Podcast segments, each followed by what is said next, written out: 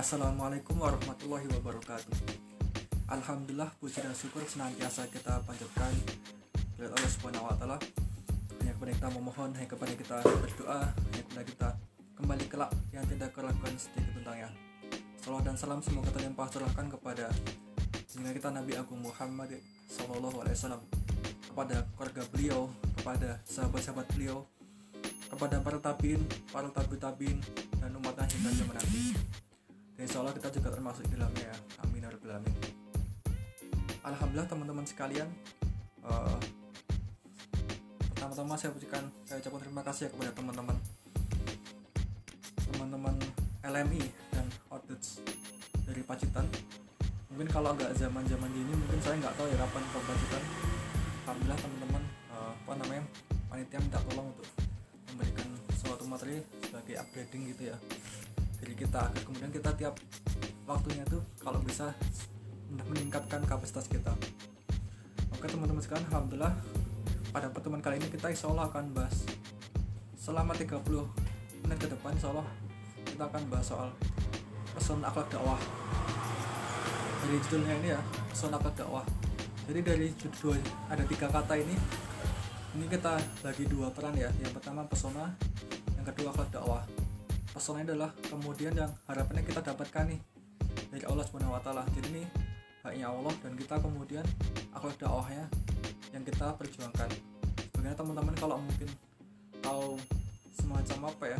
Semisalnya ya, seumpamanya nikah ya. Nikah kan tujuannya apa nih teman-teman nikah? Apakah untuk bahagia?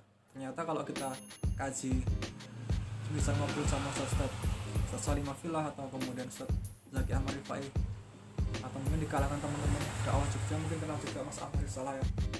Bahwa kemudian ternyata tujuan nikah itu bukan untuk bahagia tapi dalam untuk untuk berkah. Bagaimana kita mendapat keberkahannya itu dengan kita menegakkan takwa.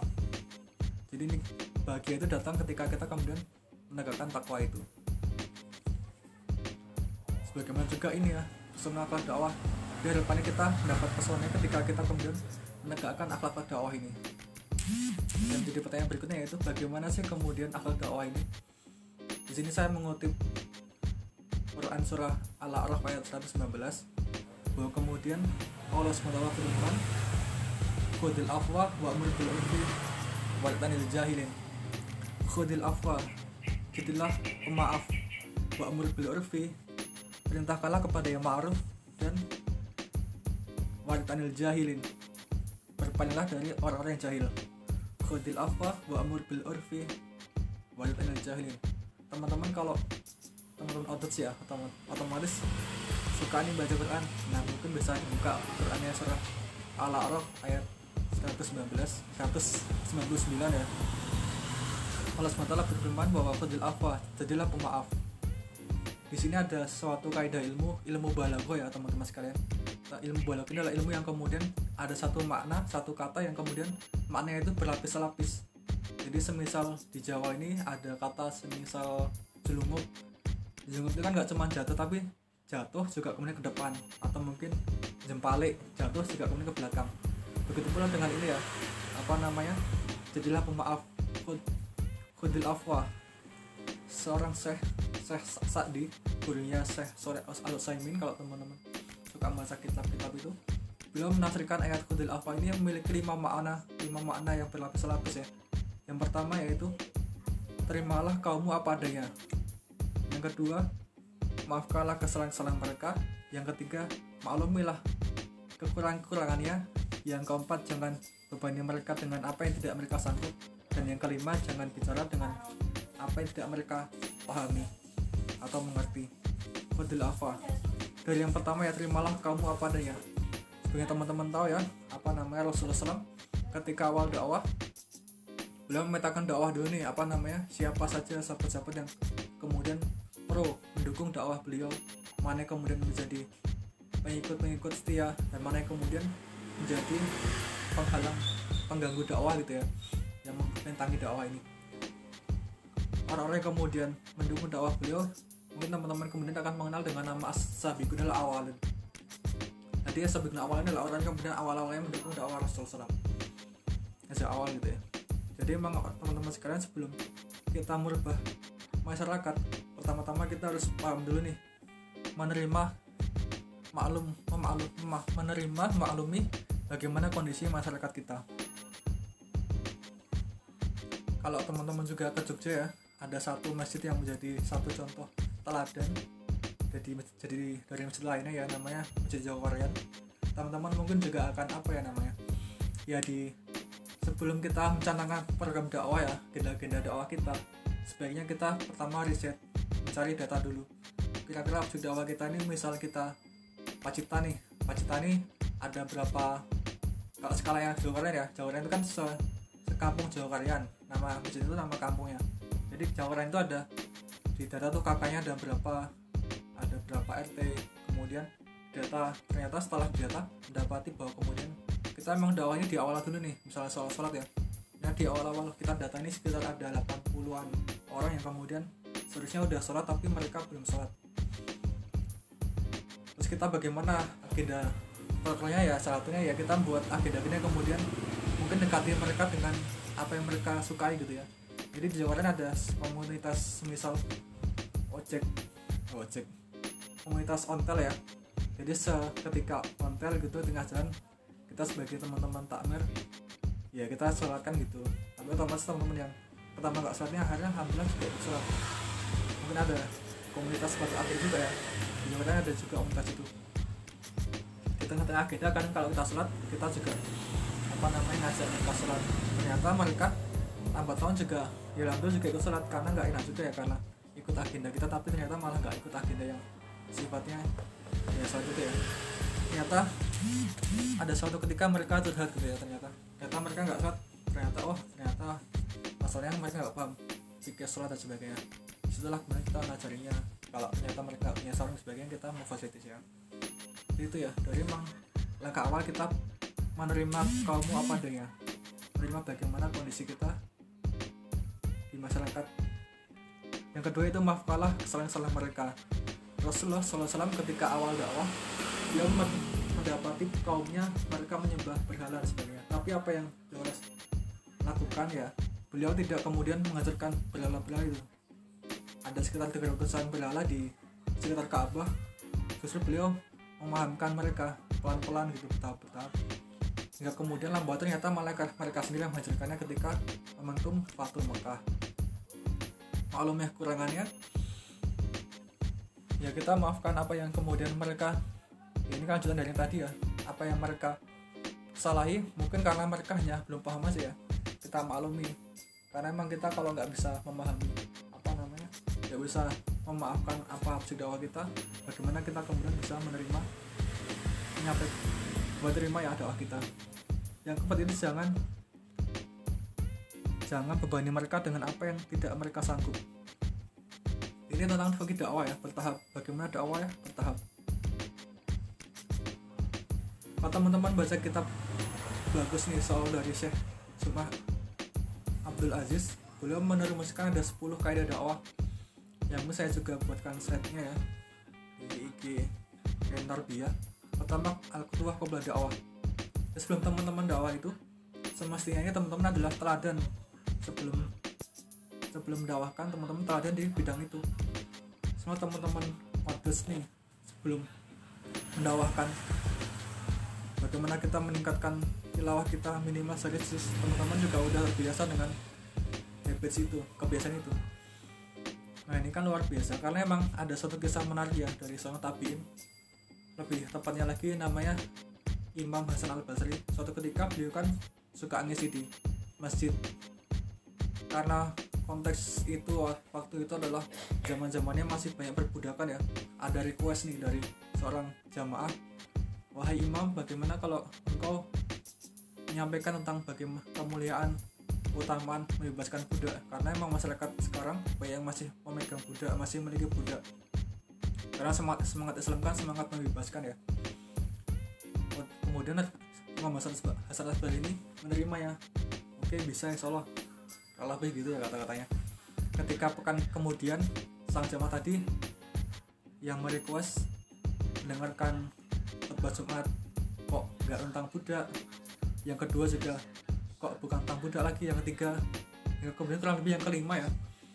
Jadi di itu masa itu banyak ustadz yang kemudian menyampaikan tentang banyak imam yang menyampaikan tentang pembebasan budak tapi masih minim orang yang kemudian mengikuti tren membebaskan budak itu ketika imam masalah masalah ini menyampaikan ternyata di pekan kelima ketika beliau menyampaikan ternyata Qadarullah terjadilah semacam trending topik ya soal amalia membebaskan budak masyarakatnya yang kemudian memiliki budak-budak berbondong-bondong membebaskan budaya masing-masing karena mendengarkan khotib khotbah khotbah al imam sana hasilnya ternyata ketika ditanya oleh jamaah wahai imam kenapa engkau uh, ketika kita meminta untuk khotbah tentang membebaskan budak ternyata malah pekan berikutnya tidak tentang itu dan sebagainya.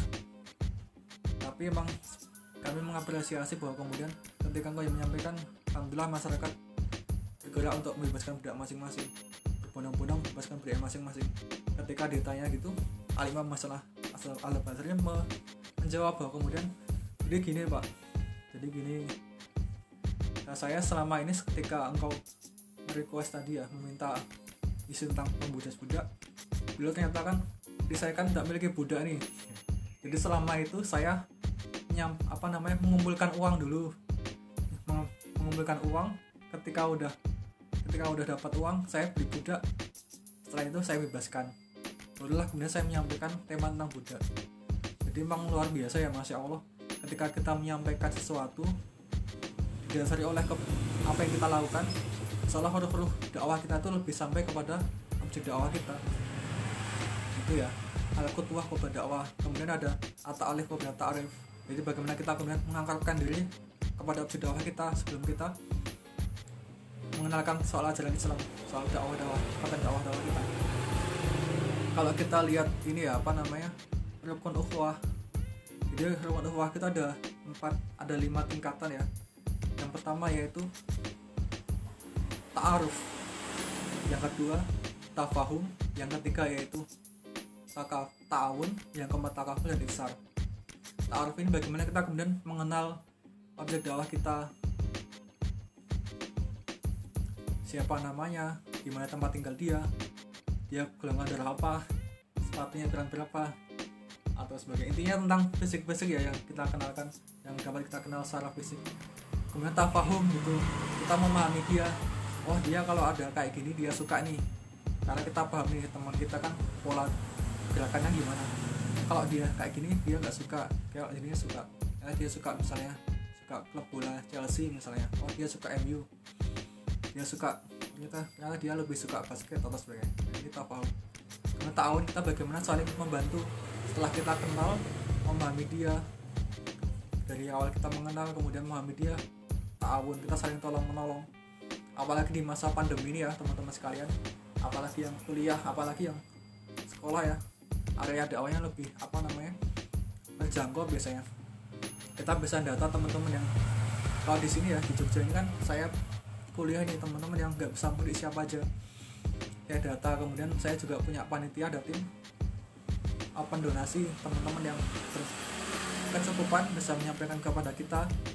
Kita kemudian menyampaikan ke teman-teman yang terkepung ya terlockdown di Yogyakarta ini. Teman-teman jangan sampai teman-teman apa namanya udah nggak bisa pulang kampung. Sendirian lagi nggak ada temannya padahal mereka adalah bagian dari dakwah kita. Ya kemarin kita alhamdulillah ini ya bagi-bagi makanan khas lebaran untuk teman-teman Jogja yang nggak bisa mudik. Alhamdulillah apresiasi teman-teman yang berusaha berkontribusi dalam memutus rantai corona ini ya karena tidak mudik. Mengorbankan kerinduannya dengan keluarganya ya. Itu tadi ya. Kemudian ada tab ada 10 tadi yang 8 mungkin teman-teman juga bisa baca dulu ya di kitabnya fikih dakwah itu. Ada ta'rif kemudian ada ta'rif wabla ta'lif bagaimana kita mengenalkan dakwah ini sebelum kita membebankan kepada mereka. Setelah kita misalnya akhwat ya. Awal tuh sebelum kita membebankan kepada mereka mengenalkan apa namanya tentang kewajiban berhijab teman-teman harus memiliki bagaimana berhijab itu adalah sesuatu yang yang menyenangkan. Wah adem ya pakai hijab walaupun di luar panas tapi dia di hati adem. Insya Allah. Jadi gitu ya. Jadi ketika kita sudah senang dengan dakwah ini maka baru kita kemudian teman-teman kan mulai ya, mulai kepo lah. Mulai kita bisa mengenalkannya dengan emo apa namanya dengan ruhiyah yang senang karena sebenarnya dakwah ini juga adalah suatu sunatullah ya teman-teman sekalian. Semisal ya kita kan menemukan tempat makan yang enak gitu kan. Ayam geprek misalnya udah enak murah banyak lagi kan gitu senangnya mahasiswa itu. Ketika kita udah senang gitu otomatis kita kan mengajak temen yang lain itu loh. Ayo kita ke sana ada temen tempat makan ya murah enak dan sebagainya. Kita kan udah senang dulu nih. Begitu juga dengan dakwah. Teman-teman kalau udah senang dengan dakwah ini bagaimana nikmatnya berislam secara syumul ya menyeluruh dari segala aspeknya dan menikmatinya. Maka teman-teman juga semestinya ya sunatullah juga teman-teman ngajakin nih teman-teman yang lain. Untuk kemudian mengikuti apa yang kita lakukan. Tuh. Dan kemudian ada bahasan-bahasan lain yang insya Allah teman-teman juga bisa baca di fikih dakwah. Karya Syekh Cuma Abdul Amin Aziz. Kemudian yang kelima tadi ya janganlah bicara dengan apa yang mereka tidak mengerti. Teman-teman kalau mungkin kalau yang KKN bisa kadang kan menggunakan kata-kata yang ya secara masyarakat yang mungkin belum terlalu paham ya misalnya kata-kata uh, spesifikasi objektivitas subjektivitas. Nah ini kan masyarakat kadang ya awam wah ini masnya ini ngomong apa sih? Nah Rasulullah SAW adalah orang yang kemudian bagaimana menyampaikan dakwah itu sesuai dengan madaunya objek dakwahnya misalnya ada seorang sahabat ya saya lupa namanya. Dan suatu ketika beliau ini menyampaikan sandung dia suaranya bagus. Tapi kemudian suara yang bagus ini dia gunakan untuk kemudian uh, melakukan yang kemudian tidak saya yang tidak tidak tahu ya maknanya. Kemudian Rasulullah SAW kalau Rasulullah Umar bin Khattab ya dia mengatakan bahwa kemudian kamu seperti lain. Bahwa suaranya bagus suaramu bagus alangkah bagusnya lagi apabila kemudian digunakan untuk tilawah Quran. Setelah itu sahabat ini sadar gitu ya. Dia memiliki bakat tapi tidak digunakan untuk kebaikan yang lebih baik lagi. Maka taruhlah kemudian sang sahabat ini jadi seorang or yang terkenal karena saya indah. Jadi gitu. Itu khudil afa jadilah pemaaf. Yang kedua yaitu perintahkan kepada yang ma'ruf Ba'mur bil urfi ada suatu kaidah fikih ya. Dalam dalam apa namanya memahami suatu kata kaidahnya bunyinya begini. Berpisah apa namanya berbeda ketika bersama tetapi sama ketika berpisah. Berbeda ketika bersama berbeda tapi sama ketika berpisah. Maksudnya apa? Misalnya ini ya Pak Mun. Pak Mun beli urfi ya. Dia ada kata perintahkan kepada yang ma'ruf kata ma'ruf sendiri. Kata ma'ruf sendiri memiliki makna kebaikan. Sama seperti kata khair. Ketika kata ma'ruf ini tidak bersama dengan kata khair maka arti ma'ruf ini mencakup makna khair juga. Tapi ketika ada kata ma'ruf dan juga kata khair dalam satu kata maka makna ma'ruf ini adalah kebaikan yang kemudian dikenal oleh masyarakat. Sebenarnya kebaikan menjenguk orang yang sakit memberi orang yang kelaparan memberi memberi makan ya memberi pakaian orang yang tidak berpakaian dan sebagainya. Itu kebaikan-kebaikan yang kemudian masyarakat kenal gitu. Kemudian apa itu khair. Khair itu adalah kebaikan yang dapat kita pahami karena adanya wahyu. Semisal syahadat baru kita bisa ya, bisa sholat puasa haji dan sebagainya. Ini kebaikan-kebaikan yang sifatnya khair.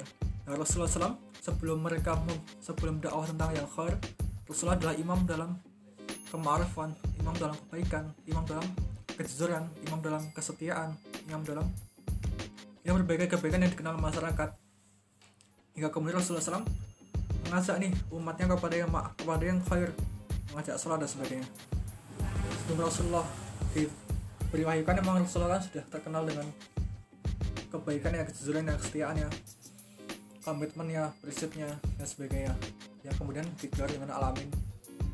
Jadi teman-teman sekarang sebelum teman-teman mendakwakan sesuatu yang khair ya semisal sholat tilawah ya atau apalagi output ya fokus ke punya apa namanya spesial amal yaitu tilawah Quran yang luar biasa.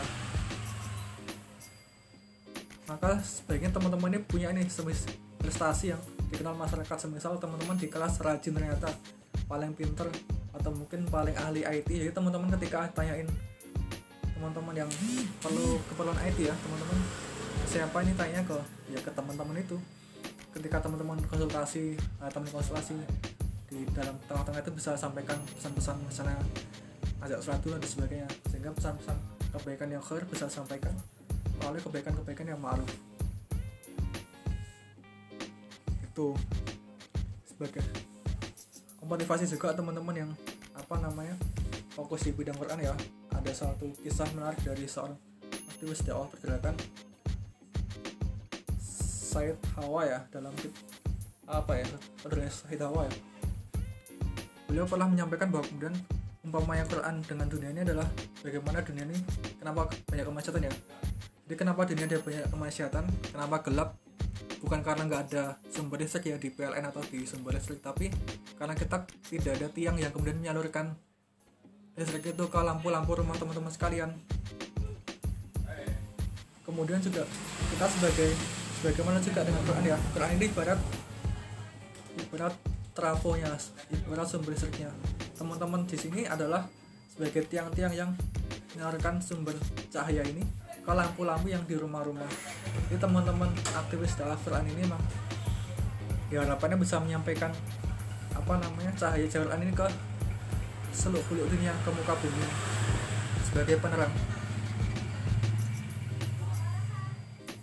Sebagai Rasulullah SAW juga ketika ditanya oleh sahabat ya Aisyah radhiyallahu anha pernah ditanya sahabat bahwa bagaimana akhlak Rasulullah SAW. Terus Aisyah radhiyallahu anha menyampaikan bahwa Rasulullah adalah Al-Quran jadi teman-teman sebagaimana Rasulullah teman-teman harusnya juga jadi duta-duta Quran. Nah orang-orang umum juga nggak nggak nggak mungkin nggak sempat membaca kitab kita ya. Apalagi orang non dan muslim. Tapi mereka melihat adab kita akhlak kita. Yang semestinya juga mencerminkan akhlak Quran Quran. Kemudian yang kedua yaitu ada ada ini ya bagaimana kita kemudian menumbuhkan apa namanya kebaikan-kebaikan tadi ya ma'ruf tadi. Jadi ada tiga konsep pendidikan yang menurut Profesor Alatas eh, apa namanya perlu nih setiap muslim memiliki yang mendapatkannya. Yang pertama yaitu tarbiyah yang kedua yaitu taklim yang ketiga adalah ta'dib. Tarbiyah adalah pendidikan yang kemudian sifatnya sebagaimana kita punya tumbuhan ya kita tanam benihnya kita sirami ya tiap tiap hari atau mungkin kalau dalam pendidikannya tiap pekan kita pupuk kita jaga amal ini sistemnya kayak semisal MK ah, kayak semisal apa namanya? Mentoring ya mentoring teman-teman tiap pekan mentoring.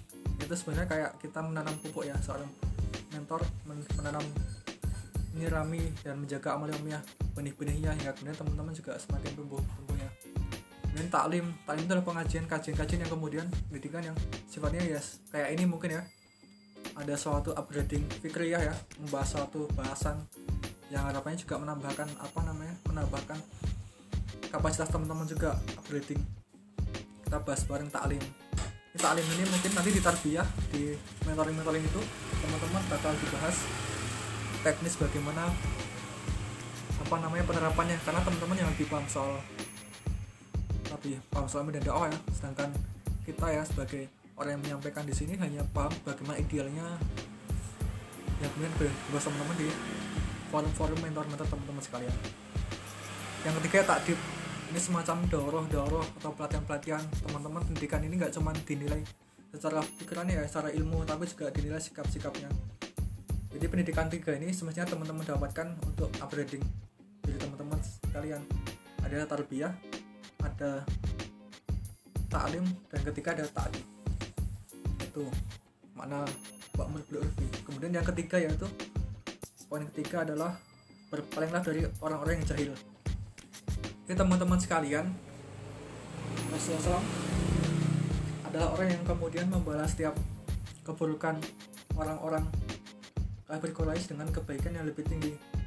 Sebagaimana Utbah bin Rabi'ah ya ketika beliau diutus oleh kaum kaum kafir Quraisy untuk menyampaikan ke Rasulullah bahwa kemudian bagaimana kalau, beliau menghentikan dakwahnya. Rasulullah SAW menjawab bahwa seandainya tangan di tangan seandainya matahari di tangan kananku dan bulan di matahari di tangan kiriku maka tidak satu pun akan ini. Sebelumnya juga Rasulullah ketika mendengarkan ditawari oleh Utbah juga ya apa namanya kami tawari kekayaan wanita dan kekuasaan. Maka Rasulullah juga mendengarkan nih semua penawaran. Utbah ini didengarkan dengan baik oleh Rasulullah hingga ketika keluar Utbah menyampaikan bahwa kemudian biarkanlah Rasulullah dakwah karena ketika karena mereka dia juga bagian dari suku kita. Kalau dia dia berhasil maka kemudian juga untuk kita. Bagaimana kemudian Rasulullah SAW mengubah dari seorang pe- penantang menjadi seorang apa namanya yang mendukungnya ya dengan setia. Mungkin sikap bodoh amat ya terhadap orang-orang yang jahil. Karena emang teman-teman kalau di media dakwah kalau kita kemudian punya agenda-agenda yang kebaikan maka mau nggak mau nggak mau kadang ada yang nyirin menjuritin. Itu emang jadi kayak semacam sinatullah ya Rasulullah yang sebaik sikap aja sampai di sikapi konspirasi dari konspirasi ya apalagi kita yang nggak sempurna kebaikannya. Tapi selama kita meyakini itu kebaikan maka lanjutkan aja kita kerjakan aja. Karena emang sunatullahnya ada semacam gangguan-gangguan sem- semacamnya. Dan salam bagaimana kita menjaga agar mereka tetap selamat. Itu mungkin teman-teman sekalian eh, penyampaikan penyampaian yang dapat saya sampaikan ya untuk pertemuan kali ini soal bagaimana pesona akhlak dakwah ya. Al-A'raf ayat 110 Qadil afwa wa amr bil urfi wa jahilin. Jadilah pemaaf Perintahkan kepada yang ma'arif Dan berpalinglah dari orang-orang yang jahil. Mungkin demikian ya Yang dapat saya sampaikan. Nanti mungkin ada yang tanya jawab Atau ada sebagainya bisa sampaikan juga ke saya. Demikian ya dari saya. Wassalamualaikum warahmatullahi wabarakatuh